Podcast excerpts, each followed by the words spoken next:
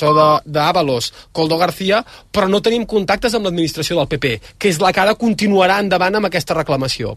Per tant, necessitem fer-nos amics d'algú del PP que pari els peus d'aquesta reclamació i que impedeixi que haguem de tornar aquests 4 milions d'euros. I aquí és on comencen aquestes suposades relacions amb Miguel Tellado, que surt amb noms i cognoms en una de les converses entre Coldo García i el propietari del grup Cueto, mm. i aquest tal Alberto, que com que surt en el context d'aquestes converses en què apareix Miguel Tellado, tothom, diguem-ne, insinua que podria ser Alberto Núñez Fejo. Ja. Què és Glòria?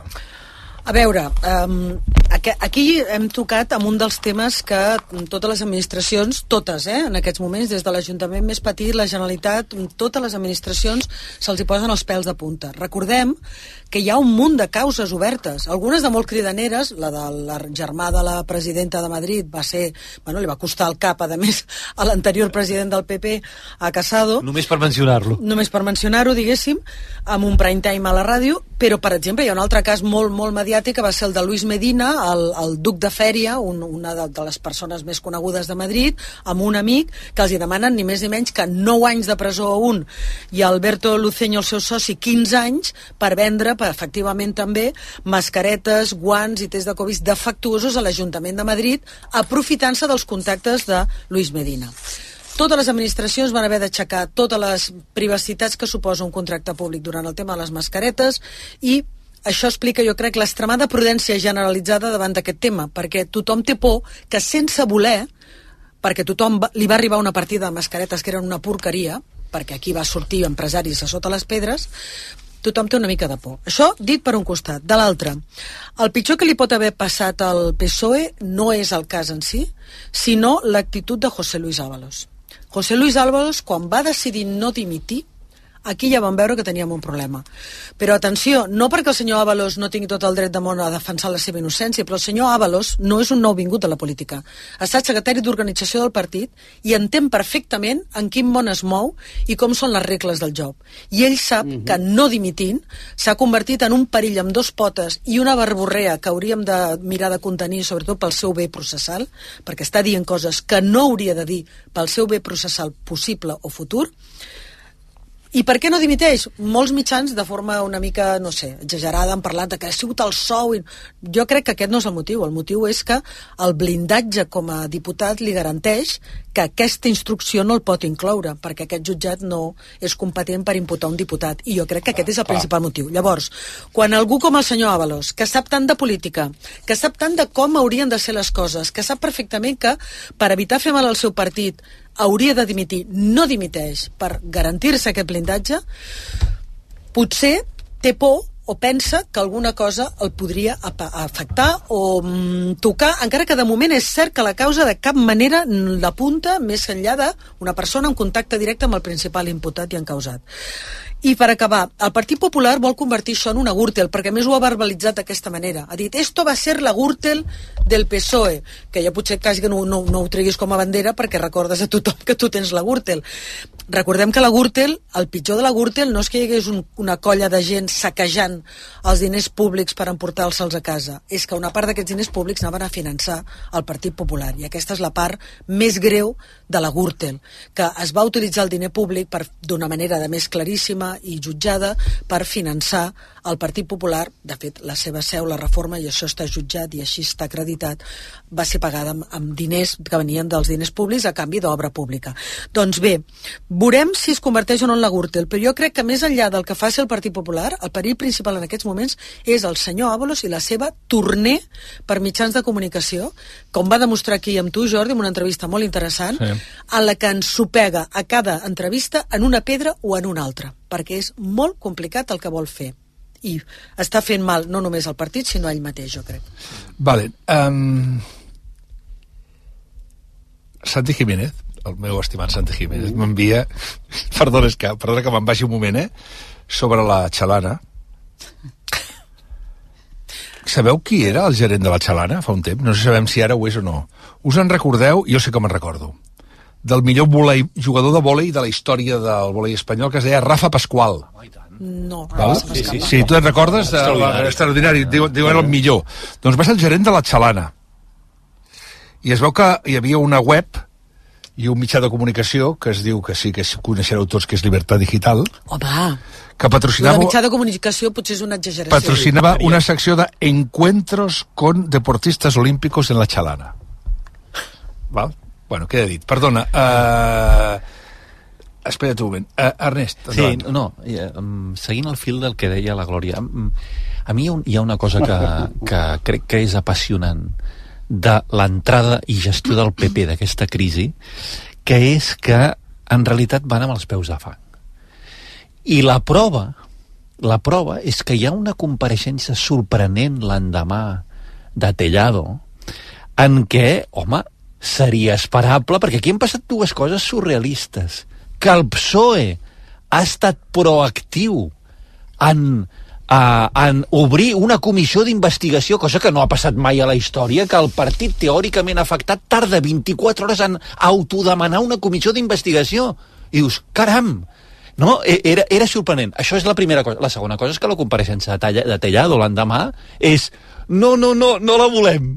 No, farem la nostra. No, no, el Senat bueno, que tenen majoria. No, no, bueno, Clar, no, no, home, però, però bàsicament la, la, la primera cosa és tal com tu la vols, no la volem. No, la farem al Senat, que jo controlaré no, les compareixences. No, no la volem. Llavors, per què?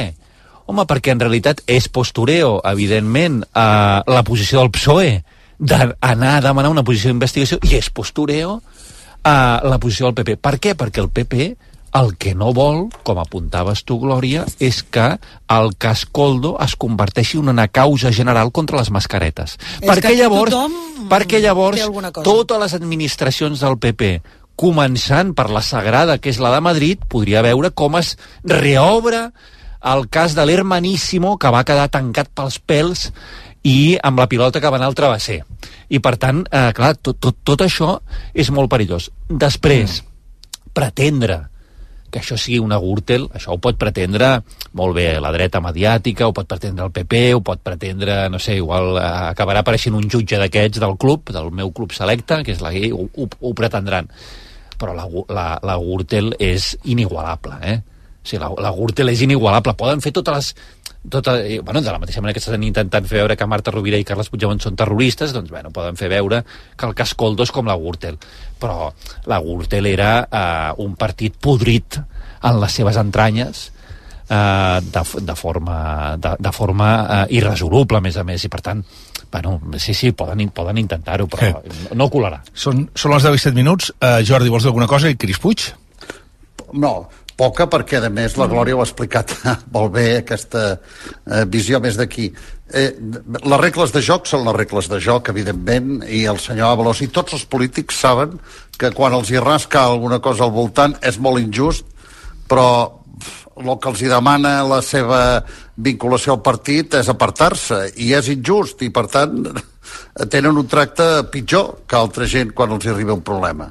Dit això de forma genèrica, eh, hi ha un altre vessant aquí, i és que eh, eh, a la que obrim el, el, el calaix o la caixa o l'armari de la pandèmia pot passar de tot, eh? I per tothom. I per tothom. Perquè han passat quatre anys, eh, aquí al final sembla eh, volem oblidar aquell desastre que fou des del de, punt de vista de les vides humanes, des de la psicologia, des de l'economia, des de la normalitat, des de la frustració d'un sistema inútil que no tenia ni mascaretes, eh? i no tenia ni, ni, ni, ni els medicaments més bàsics perquè no els hi arribaven dels, amb els containers, etc.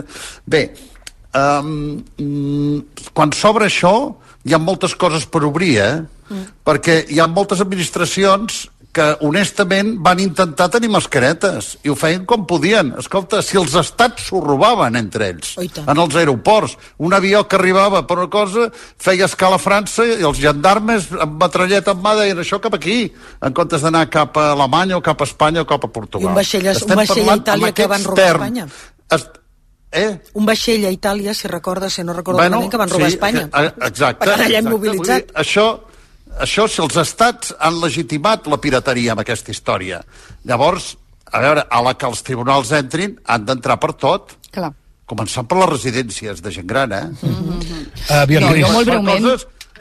cu- cuidado, eh? Que, que si això, a veure, um, estem parlant de... situ- Escolta, hi ha pobles que a un lloc es va actuar d'una manera i no es va morir cap avi i en un altre lloc a 5 quilòmetres o 3 es va actuar d'una altra manera i se'n van morir 25, eh? Jo res, Estem parlant aquest d'aquestes cas. coses també, eh? Sí, sí, absolutament, digues. tens raó, Jordi. Però I- vull dir que, que, que a part de tot això, després hi ha el corrupte. Hi ha gent que va actuar amb bona fe, malament i robada, eh, però també hi ha gent que va anar a robar. Digues, Cristina. Clar, és que jo, i, i, i arrel de que el dia que vas fer aquell editorial eh, posicionant-te com en, en, no? en, en, de moment, que com que no estava acusat la, la presumpció d'innocència d'Avalos, jo m'agafo això també, perquè deia la Glòria, clar, el que és arriscat és que aquest senyor, l'exministre, vagi fent entrevistes. Doncs mira, jo potser entenc que aquest senyor vagi fent entrevistes, perquè de moment aquest senyor no està, no està, no està acusat de res. O sigui, l'Audiència Nacional està investigant a un assessor seu que el va nomenar ell, que de moment no s'ha demostrat que, que hi hagi una implicació directa d'Avalos i per tant entenc que com a càrrec públic tu pots nomenar gent que potser després te la juguen i tu no ho saps. Fins que això no s'investigui... Recorda que ella ha reconegut en aquest mateix estudi que alguna Sí. cosa li havia arribat. Sí, home, però- sí. I Sí. llavors, ell Una no ha cosa dimitit, sospitava, va dir, eh? Ell no ha dimitit per, per, per robar o per propiciar o per comissionista, sinó per la responsabilitat política No, de no sí. controlar un subordinat del qual t'han arribat campanes. Coordinar subordinats a, totes les, a tots els llocs els subordinats et poden sortir rana. Sí, però diu, quan no? ets ministre la cosa també, és quan diferent. ets ministre eh? també. La Glòria, gestió quan ets ministre també. I una cosa és, una cosa és uh, fer contractes d'emergència en un moment, com deia el Jordi, en què tothom intentava trobar material perquè la gent s'estava morint i que potser el pagaves molt més car, al qual tu després podies comprar-lo en una No, farmàcia segur. i això no era, no era sinònim de que tu haguessis estafat res ni t'haguessis embutxacat res. I l'altre és uh, augmentar el teu patrimoni, com ha passat en el cas, sembla, no? suposadament de Coldo Garcia, que va augmentar en 1,5 milions. Això és un altre tema. Ara, que Avalos vulgui defensar la seva innocència, perquè la trituradora de la política és una, ja ho sabem, és una trituradora. Doncs I els teus et diuen, pebrots, eh? aire, fora, i Val. dius, bueno, si no, si no callaria, potser. Tres minuts i un quart d'onze. Avui el PP ha sortit en tromba demanant la dimissió de Francina Armengol com a presidenta del Congrés. L'acusen d'haver col·laborat en la trama, el motiu el que avui publica El Mundo, que assegura que quan era presidenta de les Balears donava un aval per escrit a les mascaretes defectuoses. Obro parèntesi, ho han dit 50.000 vegades. Començava aquesta setmana l'article d'en Sergi Pamis a La Vanguardia, que m'he cansat de repetir-lo durant tota la setmana, i és que van haver-hi gàngsters que es van aprofitar d'aquesta situació, perquè era una situació que es va aixecar, recordem com ara comentava la Glòria Serra. El Luis Medina i l'Alberto Correcte.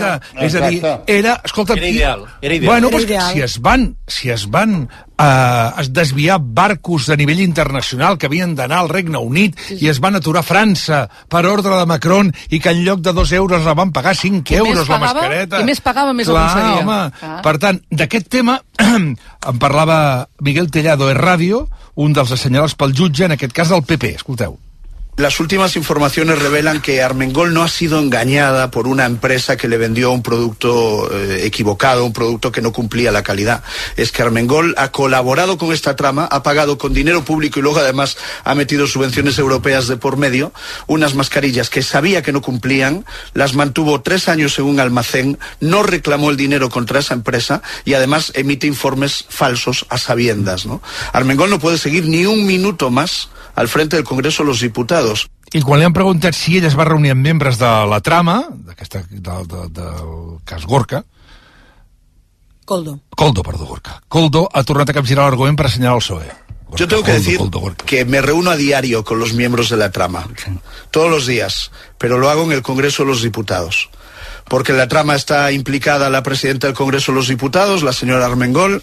En la trama están implicados importantes diputados como el señor Ábalos, ya calificado eh, por todos los medios de comunicación como el principal mediador de toda esta trama, o el señor Santos Cerdán, que está implicado, o el ministro eh, Puente o Torres, que están también bajo sospecha. I mentrestant, des del PSOE demanen a Tellado que declarin la comissió d'investigació del Congrés sobre el cas Coldo, es pregunten per què el seu nom surt en el sumari i diuen que d'això se'n dedueix que la trama corrupta buscava un intermediari per intercedir davant del govern de les Balears, que ara lidera el PP. És el que explicàvem aquest matí, que quan el PP va guanyar les eleccions a les Balears, segons el jutge, llavors els membres de la trama haurien buscat algú del PP per mirar d'evitar que el govern de les Balears obligués l'empresa Solucions de Gestió a pagar una compensació per les mascaretes Cosa que és el que va passar. Efectivament, el govern de les Balears va renunciar a reclamar, sota la presidència del Partit Popular i Vox, no sabem per què exactament, però va renunciar a reclamar aquest retorn. O sigui, això realment va passar. No sabem si és per la influència de reunions o el que sigui, o per inacció, o per error, o el que sigui. Hi havia un article molt interessant aquesta setmana de la Lola García a La Vanguardia, com sempre molt bons, que deia el PP i el PSOE s'equivoquen, s'equivocaran si converteixen les mascaretes i el que va passar durant la pandèmia en el nou pim-pam-pum. Perquè això toca, com bé deia el Jordi Bosch fa uns moments, elements molt importants, molt emocionals de la societat espanyola, d'aquells que han perdut els avis a les residències, no sabem per quins protocols estranys, no els de Madrid, que són molt escandalosos, sinó també n'hi va haver aquí de protocols que no es van entendre i que són, van estar molt injustos. Perquè totes les administracions segurament gairebé totes, per bona fe, van pagar per mascaretes dolentes. Llavors, si convertim això en un pim-pam-pum, el PP està de Prendrà- casa prendrà major. mal tothom. No, no, prendrà mal tothom. Prendrà mal la política i prendrà mal el que explicava la Cristina. El ciutadà mitjà que diré, escolta'm, amb les coses del menjar, és com el del terrorisme que ens ofèn. Prou, hi han ratlles que no s'han de creuar. passar, home, i tant, i tant, Llavors, i tant. aquesta caça major, escolta'm, si comencem a aixecar el tema de les mascaretes, prendrem mal. Efectivament. Són les, un quart d'onze. D'aquí uns moments, el contenidor. Obrim un contenidor eh, molt interessant que ha treballat el Sergi Embudio. Pff, Aviam si podem fotre un cop de mà perquè, perquè, perquè sí. Un segon.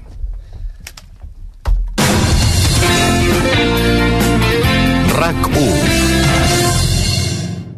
Més rectores, més directives, més dones caps de recerca, més dones caps de tecnologia, més directores de cinema, més dones caps d'obra, més comandantes d'avió, més presidentes, més dones, moltes més dones caps. Trenquem el sostre de vidre, perquè les nenes d'avui siguin les caps de demà. Ajuntament de Barcelona. Si te compraste un coche entre 2006 y 2013, esto te interesa. Seguramente pagaste de más y seas uno de los millones de afectados por el cártel de coches. Ahora con OCU reclamar más del 10% del valor de tu coche. No importa si ya no lo tienes. Comprueba tu matrícula y reclama en carteldecoches.org. Reclama tu dinero con OCU. Estàs entrant a la planta noble, la casa dels meus besavis, l'Amàlia Godó i el Josep Batlló. Amb ells comença la nostra història. Arran de l'èxit d'una nit d'hivern, prorroguem l'experiència nocturna a la Casa Batlló. Només fins al 17 de març, promoció 2 per a 1 per a residents i nens gratis. No estic mai feliç. Ploro sense motiu. No em puc concentrar. No puc més. Si t'identifiques amb algun d'aquests sentiments, deixa't ajudar. Un diagnòstic professional d'ansietat, depressió o TDAH que temps permet iniciar el tractament abans que el problema s'agreugi. A Goodman Barcelona som experts en salut mental. Junts trobarem la causa i la millor solució. Truca'ns al 699 29 23 53. L'art pren vida al nou Museu del Barroc de Catalunya. Submergeix-te en un viatge fascinant per la cultura, el paisatge i l'art dels segles XVII i XVIII. Visita a Manresa la col·lecció d'art barroc més gran de Catalunya. Viu la màgia del barroc. Més informació a museudelbarroc.cat. A Mundo Deportivo ho vivim tot minut a minut. La tensió de cada jugada. L'adrenalina de cada volta. L'emoció de cada punt. O els nervis de cada final. Mundo Deportivo. Ho donem tot. RAC 1. El principal opositor a Vladimir Putin, Alexei Navalny, ha mort aquest matí a la presó. Anem cap a Moscou amb el corresponsal de rac Abel Gallardo. La mort de Navalny té lloc quan queda un mes. A Galícia està en marxa la jornada electoral més incerta dels últims 15 anys. Obrim ronda de contactes amb els enviats especials de rac a Galícia. Jordi Armenteres, bon dia. Sí, bon dia. La participació a les 12. Arnau Manyer, bon dia. Sí, bon dia. Aquí el repte del PP és aconseguir la Xavi Hernández, el tècnic del Barça, a punt de parlar davant dels mitjans de comunicació, per tant... Som... Actualitzats els marcadors, anem cap a Màlaga perquè aquesta tarda tenim... Cada dia, de 2 a 3 del migdia, l'informatiu líder us explica tot el que passa. RAC 1 migdia, amb Núria Travessa i Xavi Rocamora. RAC 1. Tots som 1. Actualitzada. Renovada. Més fàcil. RAC1.cat. Actualització constant perquè no us perdeu res de res.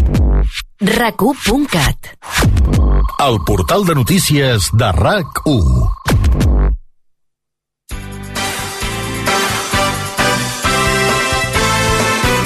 el per què de tot plegat. Ara veig, mira, ara veig que, que avui tenen la, la meva estimada Ariadna, el, el, el Jordi Évole. He de dir una cosa. Mira, ara que no, que no em sent, i ho dic ara. Jordi Évole ha fet un documental per aquest diumenge. Ell em diu, ja sé que veuràs el, l'Atlètic de Bilbao-Barça. Dic, efectivament, no t'equivoques. Dic, però que sàpigues que em miraré el teu reportatge perquè el que ha fet l'Evole és un, un exercici periodístic d'altíssim nivell. Ha agafat Televisió Espanyola, la cadena SER, i, bé si me'n recordo la tercera, va, és igual. Ha agafat, per exemple, surt al començament Iñaki Gabilondo, Ah, sí. surt Fran Llorente, És el tràiler, sí. eh, surt, perdó, ABC, Algú de l'ABC. surt el Zarzalejos, sobre el tractament de la trucada d'Aznar l'11M. Bueno, i el Puigbó surt aquest? Sí, surt el? Puigdemont perquè era el presentador del telediari. Correcte, sí, Llavors, de debò, val molt la pena. I és un exercici periodístic de primer nivell sobre aquella trucada, que a A més és real. mitjans, És una és real, trucada és que, a real. més, recordo que en Pau Reposi, l'Antonio Franco, que era Sí. tertulià els dimecres del món a RAC1 i Nilo Tempore, que va explicar fil per ran d'aquella trucada, o el Pepe Antic, que també l'explica quan era director de La Vanguardia, aquella trucada. Doncs està molt bé el que ha fet en Jordi Évole, d'aquest Lo de Évole, d'aquest... són dos capítols, aquest diumenge i el diumenge que ve. Bé, dit això, anem al contenidor del Bon RAC1, que és d'avui d'aquells que crec que apel·larà una mica a la solidaritat col·lectiva. Ara hi anem, però abans ja sabeu, si esteu vivint alguna situació surrealista o complicada i sembla que ningú us ajuda, Uh, nota de veu breu al WhatsApp del programa, que és el 669 10 10 10, 669 10 10 10, 669 10 10 10, no cal que ens expliqueu tot el tema, només els detalls, i si ens voleu explicar més coses, doncs el correu electrònic al món arroba recu.net, al món arroba recu.net. Per cert, hi ha una cosa que hem de dir que molta gent diu, hosti, diu, això del contenidor, com una trucada a la ràdio pot arreglar un problema. Com els anys 60. Sí, però com són periodistes, com una trucada a la ràdio consultada després amb qui s'ha de consultar abans de fer entrada, s'arreglen. O sigui, hi ha temes que han quedat... Que no surten. Que no surten perquè en truquem amb una empresa i diem, escolta'm, és que entrarà un senyor explicant que li han no sé què. I al cap de 24 hores li han arreglat un problema Mhm. que fa 6 mesos eh, no tenia solució i ni tan sols passa per antena perquè li Ho arregla la ho mateixa hauríeu tarda. d'explicar, això. Ah, Ho explicarem aviat. Ho hauríeu Ho d'explicar. explicarem aviat perquè són uns quants ja, no? Jo, jo diria que el percentatge deu ser... És que més de la meitat dels casos que comencem a treballar no surten per antena perquè els hem resolt. És que tu no saps el mal que li pot fer una empresa Sí, que a sí. la ràdio líder Mm. eh, surti el seu nom i surti molt mal parada i, i, i la vergonya que passa no? o sigui, eh, encara els, avisant-los els feu realment Sí, un la grandíssim conclusió és que favor només eh? hi ha una manera de solucionar els problemes. Vine, Excusant, trucant a la sobre. Truqui, truqui. Sí, sobre això, la eh, ràdio. hi ha casos que, clar, ens arriben casos de tota mena, hi ha casos molt greus, hi ha casos que nosaltres hi podem intercedir, d'altres que veiem que no. Hi ha hagut algunes situacions a les que jo he vist que aquell cas potser no tindria recorregut per antena, que jo, l'oient que ens ha escrit, o l'oient que ens ha escrit, directament els he recomanat. Escolta, fem una primera cosa. Escriu a l'Ajuntament de Torn o a l'empresa de Torn o a no sé qui de Torn dient Ei, m'he posat en contacte amb el RQ, eh, un periodista ha parlat amb mi, hem recollit el cas, eh, m'han dit que han recollit el cas i que l'estan treballant. A vegades, només amb aquest missatge, ja s'arregla. Sí, o sigui, esteu fent d'organització de consumidors i usuaris una mica. Clar. És increïble, eh? però imagina't que s'hagi de recórrer a la Sí. ràdio perquè qui, qui Bueno. se n'ha de fer càrrec a vegades. com als anys 60. és bestial, eh? Com als anys 60. Aviam, un moment, anem a, anem a aquest cas que ara ens dèiem, eh? Que deia el Sergi Embudio. Anna, bon dia. Hola, bon dia, Anna. Bon dia. Bon dia, bon dia. Ens truques en nom d'una associació. Com es diu aquesta associació? L'associació es diu Espacim. Què hi feu, a Espacim? Espacim som una entitat que acompanya persones amb greus discapacitats intel·lectuals. Mhm. I tenim tres serveis, que és escola, tallers i, i després tenim 10 llars repartides per Barcelona. Mhm. Eh, sou, per tant, a Barcelona. Tu t'has posat en contacte amb el contenidor del món RQ per una casa en concret, oi? Sí, perquè ara ens fan fora d'un d'un pis d'infància que hi viuen nou nens i nenes i necessitem ajuda per trobar una altra casa. Val. La casa es diu La Pussa i està... La casa es diu La Pussa. On està la Pussa? La Pussa està davant del Mercat de Santa Caterina, al costat de la catedral. Ara, mos... Que... No, quan he vist la localització, perdoneu, eh? M'ha Sí. sortit del cor. És el barri on fan fora tothom. Sí, esclar. o sigui, no m'estranya que hagin Clar, fet clar, fora clar. la puça a la Quan, bandera. clar, Quant temps fa que sou aquí, dius? Entre 20 i 25 anys. 20 o 25 anys que esteu aquí. Allà qui viu concretament de la vostra associació? Viuen nou nens de, que, que provenen de la Direcció General d'Atenció a la Infància i a l'Adolescència i són nou nens amb, amb, amb, amb discapacitat intel·lectual, més problemes de salut afegits, més... Eh, Família? Bueno, tenen... No tenen família, no, o sigui, no, estem parlant provenen... menors, proven- nou menors amb discapacitats diverses sí. sense família. Per tant, són nens orfes. Exacte, sí, sí.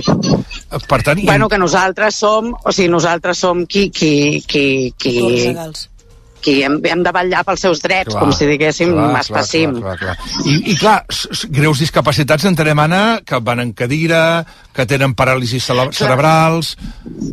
Alguns tenen paràlisis, altres tenen problemes, doncs, són infants amb sordesa o ceguesa, són com pluridiscapacitats perquè, perquè s'entengui bé. Sí, sí. Val. Uh, sou una associació privada? Som una associació concertada. Concertada. I aquests nens com arriben a vosaltres? És a dir, els deriva la de Gaia, per tant, la Generalitat? Els deriva, de, exacte, els deriva la Generalitat, però bueno, nosaltres som qui ens n'hem de fer càrrec. Va. Per tant, el problema és que est- esteu a punt del desnonament. Sí, imminent, vull dir, rebrem, rebrem l'ordre judicial ja per marxar. Val. No sabem si abans de l'estiu, després, però en els pròxims mesos, i clar, tenim pressa perquè no és fàcil traslladar nou nens en una vivenda, vull dir, ha de ser una vivenda especial que ha de complir normativa. Clar, perquè estem parlant, nou menors, van en cadires, tenen paràlisi cerebral, necessiten quartos de bany especials, no poden tenir un pis sense ascensor. Exacte. Eh, és a dir, són molts, molts, molts, molts, és a dir, no és un Clar, pis... en- l'ideal seria una planta baixa, perquè d'aquesta manera ja, ja treus el problema de l'ascensor que és afegit, que ha de tenir unes mides concretes, bueno, tot Va. es complica una mica, i han de tenir set habitacions aquest pis, o dos pisos amb quatre i tres, o un espai diàfan que podem construir, vull dir que podem reformar-lo per dins, però clar, no estem parlant d'un espai petit. Ja, ja, ja, ja. Clar, a vosaltres, perdona, eh, quan us, us desnonen perquè el propietari diu que pagueu poc o per què exactament? No, perquè el propietari es va morir i llavors doncs, els hereus han decidit vendre el pis i, i ja fa temps que estem arrossegant, intentant allargar tant com podem, però al final ja doncs, és l'últim recurs, ja no podem fer res més. I entenc que no hi ha hagut manera de convèncer-los, no? O sigui, no, no, no, es podeu, no heu pogut convèncer. No, clar, són, vull dir, ells tindran els seus motius per vendre'ls, que jo la veritat és que no els sé, ni els sabem des d'Espacim, però la realitat és que, és que se'ns ha acabat. Per tant, no teniu cap més remei que marxar. Teniu data límit o no?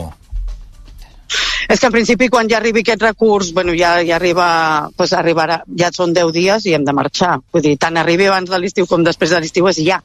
I el nou pis, si hem de fer reformes, vull dir, és que és urgent, ja, ja estem desesperats. I no trobeu lloc on anar.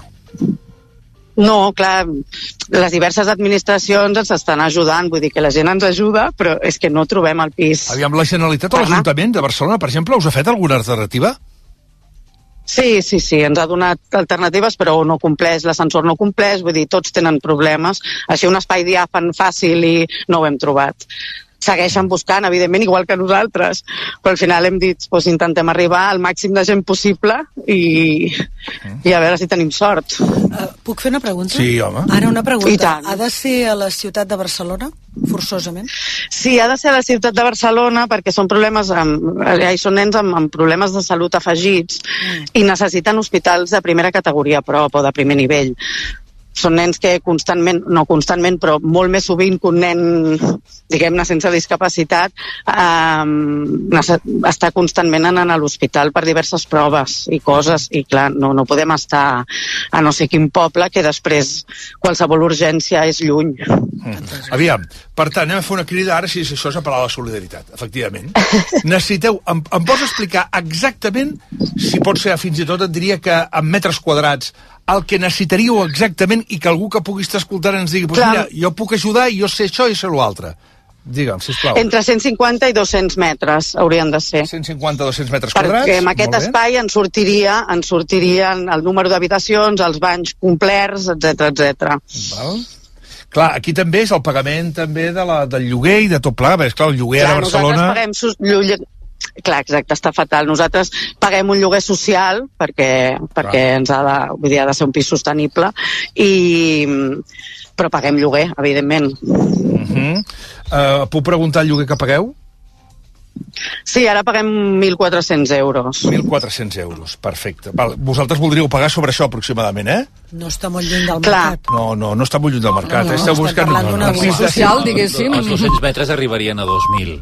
Sí, Clar, no? sí, sí, més o menys, sí, sí, sí. Però estem parlant... Bueno, evidentment, mm, estem, eh, vull dir, si hem d'assumir una mica més, el que no podem és molt més. No, Clar, però... Anna, entenc que vosaltres com a associació concertada, per tant, rebeu subvenció pública, eh, clar, el vostre Sí, sí, pressupost evidentment. em, podria assumir eh, 2.000, 3.000 euros de lloguer al mes, per entendre's? No, O- no, no, no, no, no. Tant no. No, no, tot és justet. Vull dir, els, els, no, els convenis o els concerts són justets. Val. I Em, entenem que la ciutat de Barcelona és cara, vull dir... Val. Um, Bueno, també et vull dir una cosa, ara per, per ajudar, eh? De cara a persones que puguin estar dient jo tinc un pis per llogar, m'ho estic pensant, l'estabilitat del llogater és completa. És una institució que té un acord fixe amb l'administració, o sigui, tot allò, tot aquelles pors del llogater que no paga i et destrossa la casa i tot plegat, zero.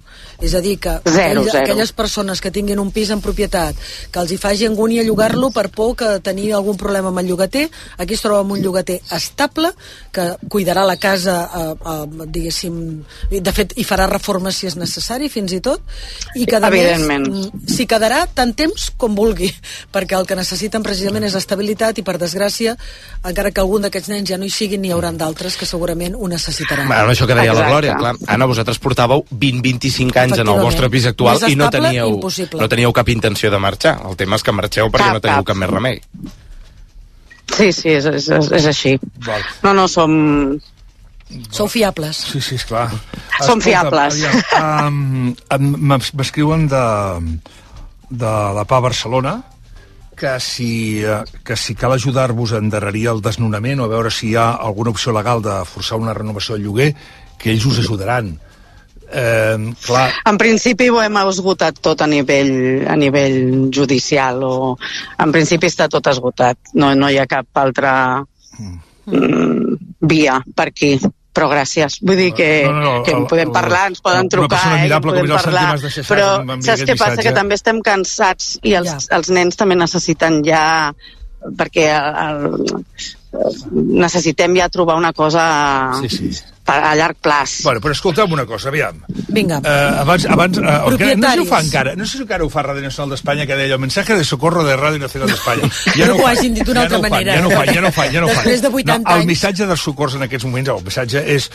Estem buscant, o s'està buscant concretament aquesta associació que es diu Espacim, um, un local a la ciutat de Barcelona, però no perquè s'hagi de ser la ciutat de Barcelona, sinó perquè a prop tenen els seus hospitals de referència en cas d'emergència, com pot ser Sant Joan de Déu o la Vall d'Hebron. Per tant, a, a Barcelona. Estem parlant de Barcelona, un local d'aproximadament 150 mínim cap amunt, 200 metres quadrats seria meravellós, el pressupost és de 1.000, més o menys, eh, es pot augmentar una mica, de 1.400 euros mensuals, i clar, tot, eh, si pot ser una planta baixa, encara millor, entre d'altres motius, perquè estem parlant d'uns menors nou, concretament, que tenen greus discapacitats, per tant no pot ser 200 metres quadrats amb un àtic sense ascensor, ni a un primer ni a un entresol, sinó que ha de ser un lloc que Exacte. estigui mm, habilitat per, per gent que va en cadira, perquè ens entenguem, hi ha gent que té greus discapacitats, siguin físiques o siguin mentals, o siguin amb les dues, i eh, eh, sense família la qual cosa és que la crida de socors encara és més urgent, perquè no estem parlant d'un mes o dos mesos, sinó que això hauríem de saber-ho ja.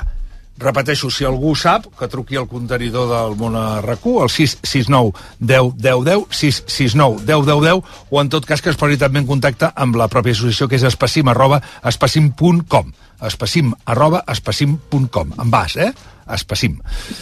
Aviam sí. si tenim sort, si, si hi ha alguna novetat ens ho fas uh, saber, Anna. Aviam, digues, Sergi. Sí, no, no, no, només comentar perquè eh, que en el 669 10 10 10, que jo crec que potser el més fàcil serà que si algú es vol posar en contacte amb nosaltres, que ho faci a través d'aquest telèfon, 669 10 10 10, però que ho faci a través del WhatsApp És a dir, que ens envia un missatge de WhatsApp o ens envia una nota de veu de, per WhatsApp i llavors nosaltres revisarem tots els missatges i ja ens posarem nosaltres en contacte amb ells, perquè si no arribarà un moment, m'imagino que potser hi han trucades o hi ha trucada durant el cap de setmana i que no se'ns perdi res. Per tant, que ens escriguin per WhatsApp al 669 10 10 10 i ens posarem nosaltres en contacte Perfecte. immediatament amb ells. Molt bé, doncs ja ens ho fareu saber.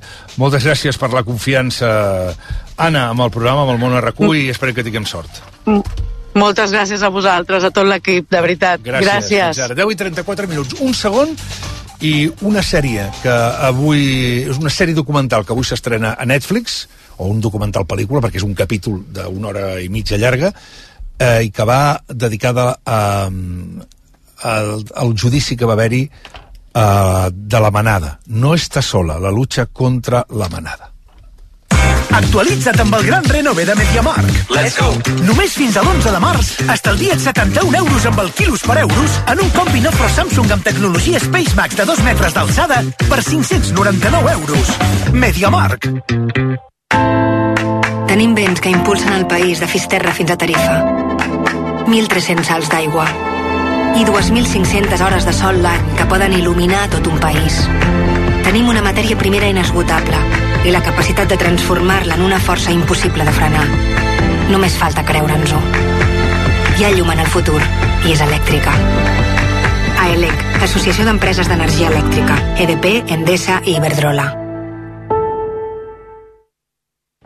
Estalvi per experts. Experts en estalvi. A Brico de Po compres on compren els que en saben i aconsegueixes els millors preus pels teus projectes. Com amb aquest paviment nucles, ara per només 7,95 euros. I aquest pack de vitroceràmica més forn per només 279 euros. No esperis més per estalviar. Ara a la teva botiga i a bricodepo.es. Mira, colesterol alto. Yo estoy igual. Y si no haces nada, te sigue subiendo. Ya, pero es que yo no quiero cambiar mi vida. Pues yo cuido mi alimentación. Hago ejercicio y tomo un Danacol todos los días. Danacol bloqueja parcialment l'absorció de colesterol, el redueix en 3 setmanes i, a més, després ajuda a mantenir-lo. Danacol, reconegut per la Fundació Espanyola del Corazón. El millor bacallà i estalviant? No tens excusa, perquè fins al 20 de març a la Sirena t'estalvies un 30% en la segona unitat dels nostres packs de 4 lloms de bacallà premium. Tria congelat, tria la Sirena. Que Conforama puguis trobar tots els electrodomèstics que necessites és posar-t'ho fàcil. Que, a més a més, sigui amb un 10% extra de descompte i enviament gratuït, és posar-t'ho molt fàcil. Aprofita-ho del 2 al 4 de març, a botigues i a conforama.es. Conforama. Contracta la teva assegurança de mascota amb Bertia des de només 30 euros l'any i compleix amb la nova llei per evitar multes i imprevistos. Calcula el teu preu a Berti.es. Estalvia temps, estalvia diners.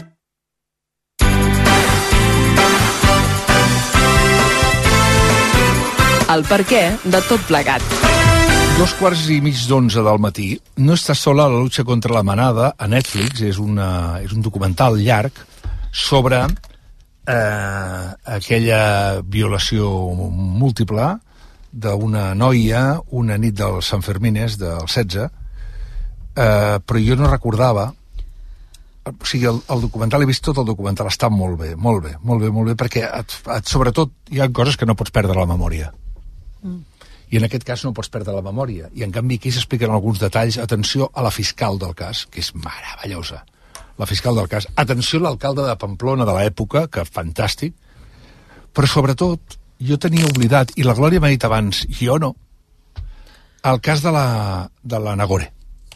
El cas de la Nagore, Nagore va ser una noia assassinada durant també unes festes del Sant Fermín l'any 2008. Pots explicar, Glòria, el que recordes d'aquell cas? Jo el recordo, i quan he sentit el nom Nagore m'ha tornat a venir tot, perquè, per entendre'ns, des de la sentència de la manifaldilla, he tingut la desgràcia d'anar recollint sentències terrorífiques, no casos, casos terrorífics n'hi ha sempre, les sentències terrorífiques relacionades amb casos terrorífics.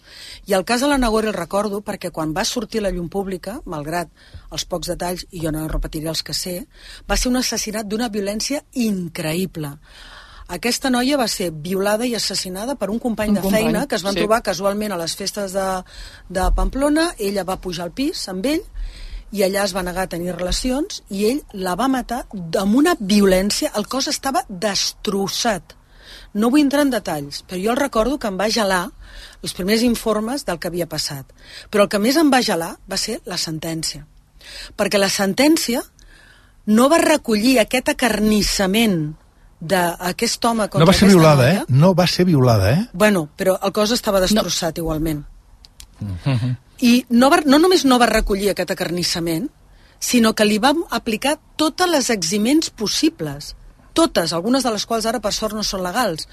Totes les eximents possibles. I li va caure una condena, crec recordar, d'una de, de 10 anys o una cosa així, de les quals, a més, poc temps després, em sembla que 5 o 6 anys després, ja va sortir en llibertat i va, era psiquiatre o psicòleg mm. aquest, uh, aquesta persona. Ja va començar a treballar en una clínica privada. Té Mm. prohibit treballar a la pública, eh? -huh. Ho- es va detectar periodísticament va sortir un escàndol quan tothom va veure que aquest senyor sortia en permís i treba... seguia treballant com a psiquiatre, atenent a persones, una persona que havia comès aquest delicte, al final que va perdre la feina. Bé, això no és l'important. A mi el que em va impactar, més enllà del crim que va ser molt dur, perquè penses, trobes un company de feina i, i t'acaba fent això, va ser la sentència, que a més es va recollir totes les eximents possibles. I per entendre'ns, sense la Nagore, sense la noia de la manada, el cas Dani Alves i la seva sentència no hagués existit. Totalment d'acord. I això es veu en aquest... Però avui... hem de recordar-les, amb elles i a les seves famílies. Uh, mira, saps què passa? Que um, avui estava... Avui estava... Sí, veient aquest reportatge, que jo desconeixia, no desconeixia, és que ni me'n recordava d'aquesta història, veus com la mare, en el documental la mare té un gran protagonisme, la mare de la Nagore. Ser molt, molt militant, la mare, Era molt cas. militant. Molt militant. Però molt militant vol dir que ella volia saber exactament què passava, volia saber exactament... Volia, volia eh, justícia, perquè en el fons, tancant el cas de la manada, tancava la seva història. Tancava la seva història. I tu veus com ella agafa protagonisme, com... com no, no, no, no, no. O sigui, jo crec que és un... És que per entendre's, el cas de la manada va ser a l'escàndol que hi va haver, no va ser per la violació, que també. L'escàndol va ser pel que va passar després. Mm. Per totes les comptes de Twitter que van desvetllar el nom i el DNI d'aquesta noia. xoc, va haver-hi un primer xoc que era el, pro- els propis fets. Eh? Sí, sí, sí, Els propis fets van, sí. van produir un electroxoc Però després van molt tenir fort. un advocat que es va passejar per totes les teles posant a la víctima com un drap brut. Això que li van va- posar, en el cas de la manada, Sí, home. que van posar, li van posar un detectiu privat la per fase- demostrar fase que, ah, com que no estava tot el dia tancada a casa a punt del suïcidi, doncs és que no devia haver patit Sí, sí, tant. Cosa que, per cert, es va intentar també amb la víctima de Dani Alves.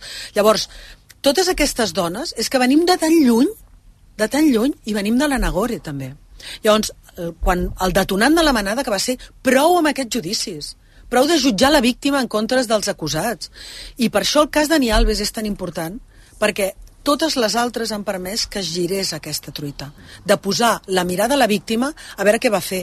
Pues si va pujar al pis, pues no haver pujat al pis. Pues si es va posar en aquella entrada la noia de la manada, pues no haver-s'hi posat, etc etc acabant amb aquell jutge en el cas de la manada que va dir que una dona violada pot tenir plaer sexual men- mentre l'estan violant. Per Mhm. posar un, una cirereta en aquest pastís. Per això són tan importants recordar-ho. I recordar-ho en fets, eh? No, no, no en valoracions polítiques, no, no. Els fets que jo he dit, aquesta noia que la van destrossar amb un crim violentíssim se li van aplicar al seu assassí tots els eximents Val, perdoneu, que um, el que ara explicava la Glòria. El 6 de juliol de l'any 2016, durant les festes de Sant Fermín, hi ha cinc individus que van violar d'una manera brutal una noia de 18 anys a Pamplona. Avui Netflix estrena aquest documental eh, que gairebé posa èmfasi en aquell succés, ens posa en la situació del que va suposar pel conjunt de la societat, però que també dona visibilitat a altres casos de violències contra les dones.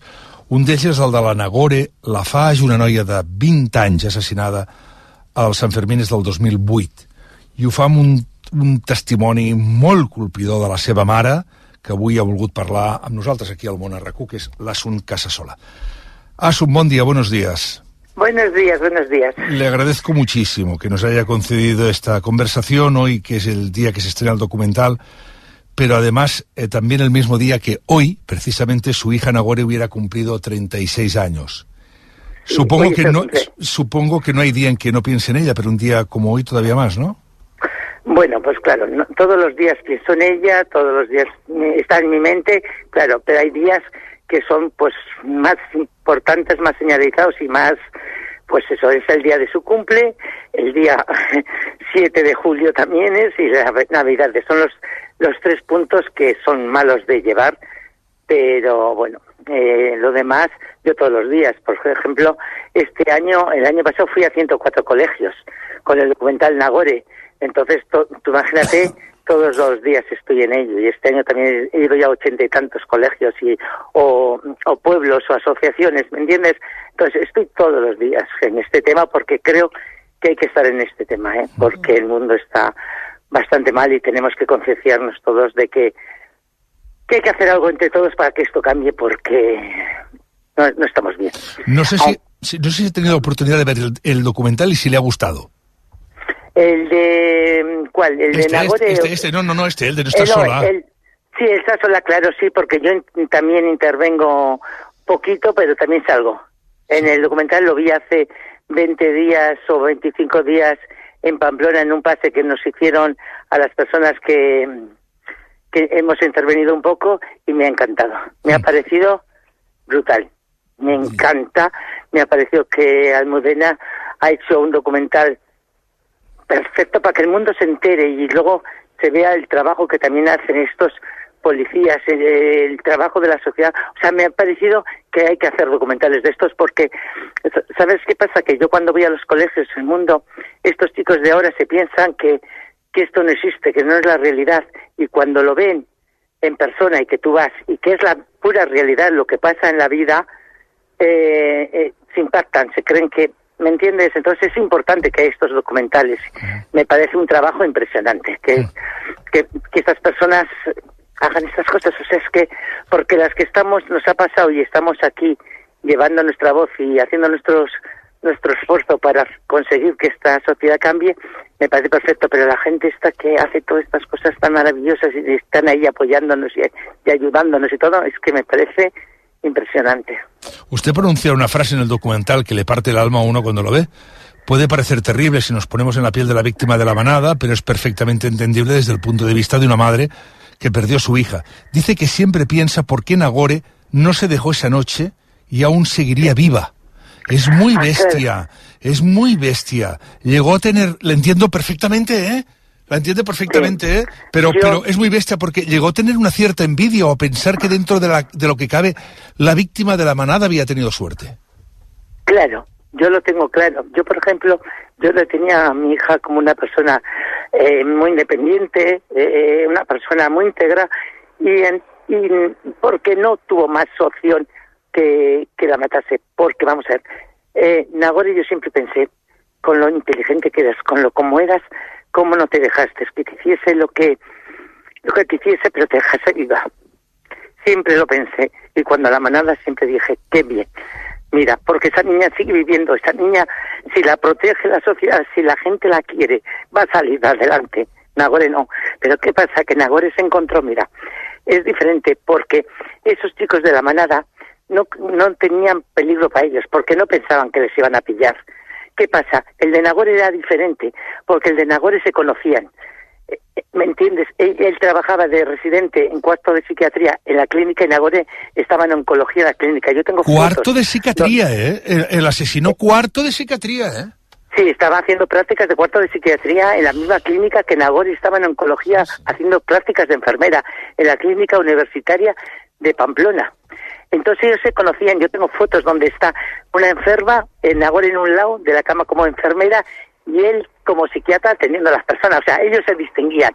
Entonces, ¿qué pasa? Que cuando él, el problema del de Nagore es que, porque como se conocían, él, cuando Nagore fueron al piso porque quisieron, está clarísimo, por lo que sea, Nagore no quiso hacer lo que, que él pensaba que tenía que hacer, y se cabrea y le da 36 golpes, le rompe el cráneo y la mandíbula, y 36 golpes en el cuerpo. Nagore queda como semi-inconsciente, fíjate, lo cobarde, primero, que un, una persona que no es capaz, no es capaz de que por una niña le diga que no, la pega la gran paliza. Madre. Después, es médico, él es médico, podía haber recogido y llevarla a la clínica para atenderla, porque según los forenses no habría muerto de los golpes. No sé cómo habría quedado, pero no habría muerto. Y como es un cobarde, no le lleva. Cuando Nagore llama al 112 y dice, me va a matar, me va a matar, la estrangula. Y fíjate la, la, la mente de este personaje que coge y llama a un amigo para que la acompañe a tirar al monte a la niña y el amigo es el que la denuncia.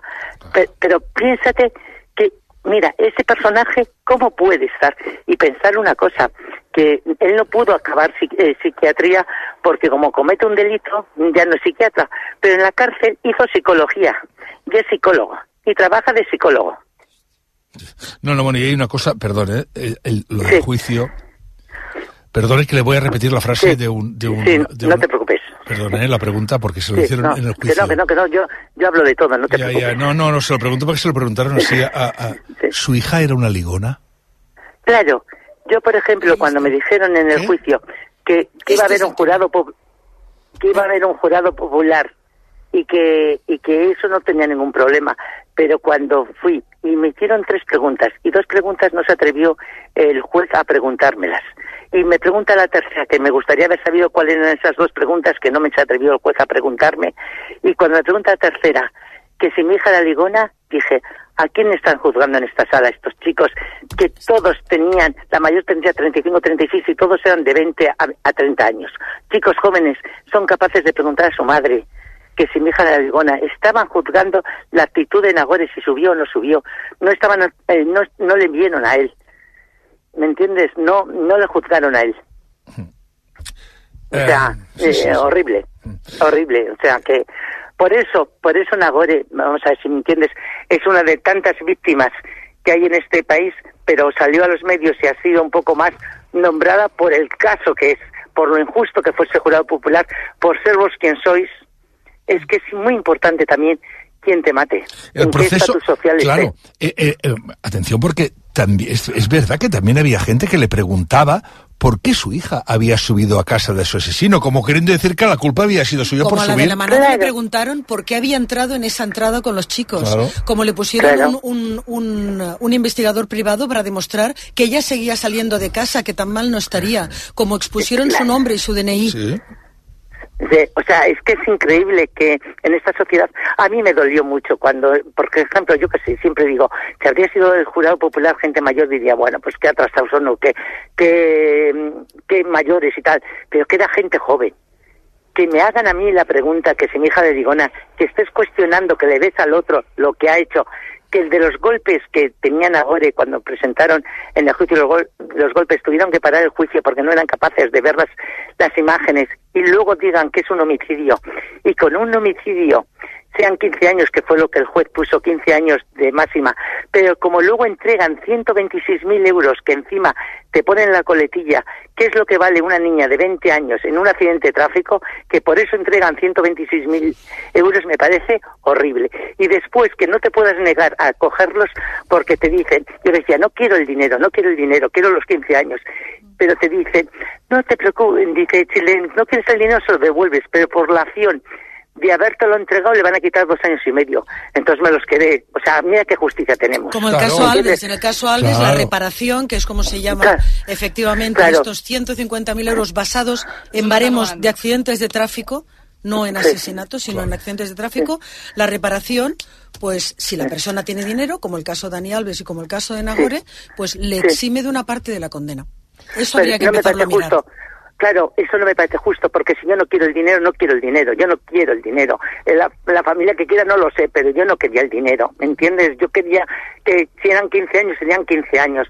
Claro, luego es que, el de Nagore no llegó a 8 años, hoy no llegó a 9 años, perdona, eh, en la cárcel. Y después que esté trabajando de psicólogo y que ahora, como ya han pasado 15 años, que es lo que la, la ley, lo que le lo que le esto puede trabajar hasta la seguridad social ya. Y ahí dentro de poco no tendrá ni, ni antecedentes Eh, penales. en este Es caso- cosas En este caso que nos, que nos explica, eh, creo que en el caso, yo es que de- el- lo de la manada lo teníamos muy fresco en la memoria, pero el caso de Nagori yo no lo tenía fresco. Es más, eh, ahora me envía la compañera Gemma Herrero. hay un hay un perdón, documental ¿eh? Sí, sí, sí, es que me ha enviado la Gema precisamente que el doco está en filming, se llama Nagore.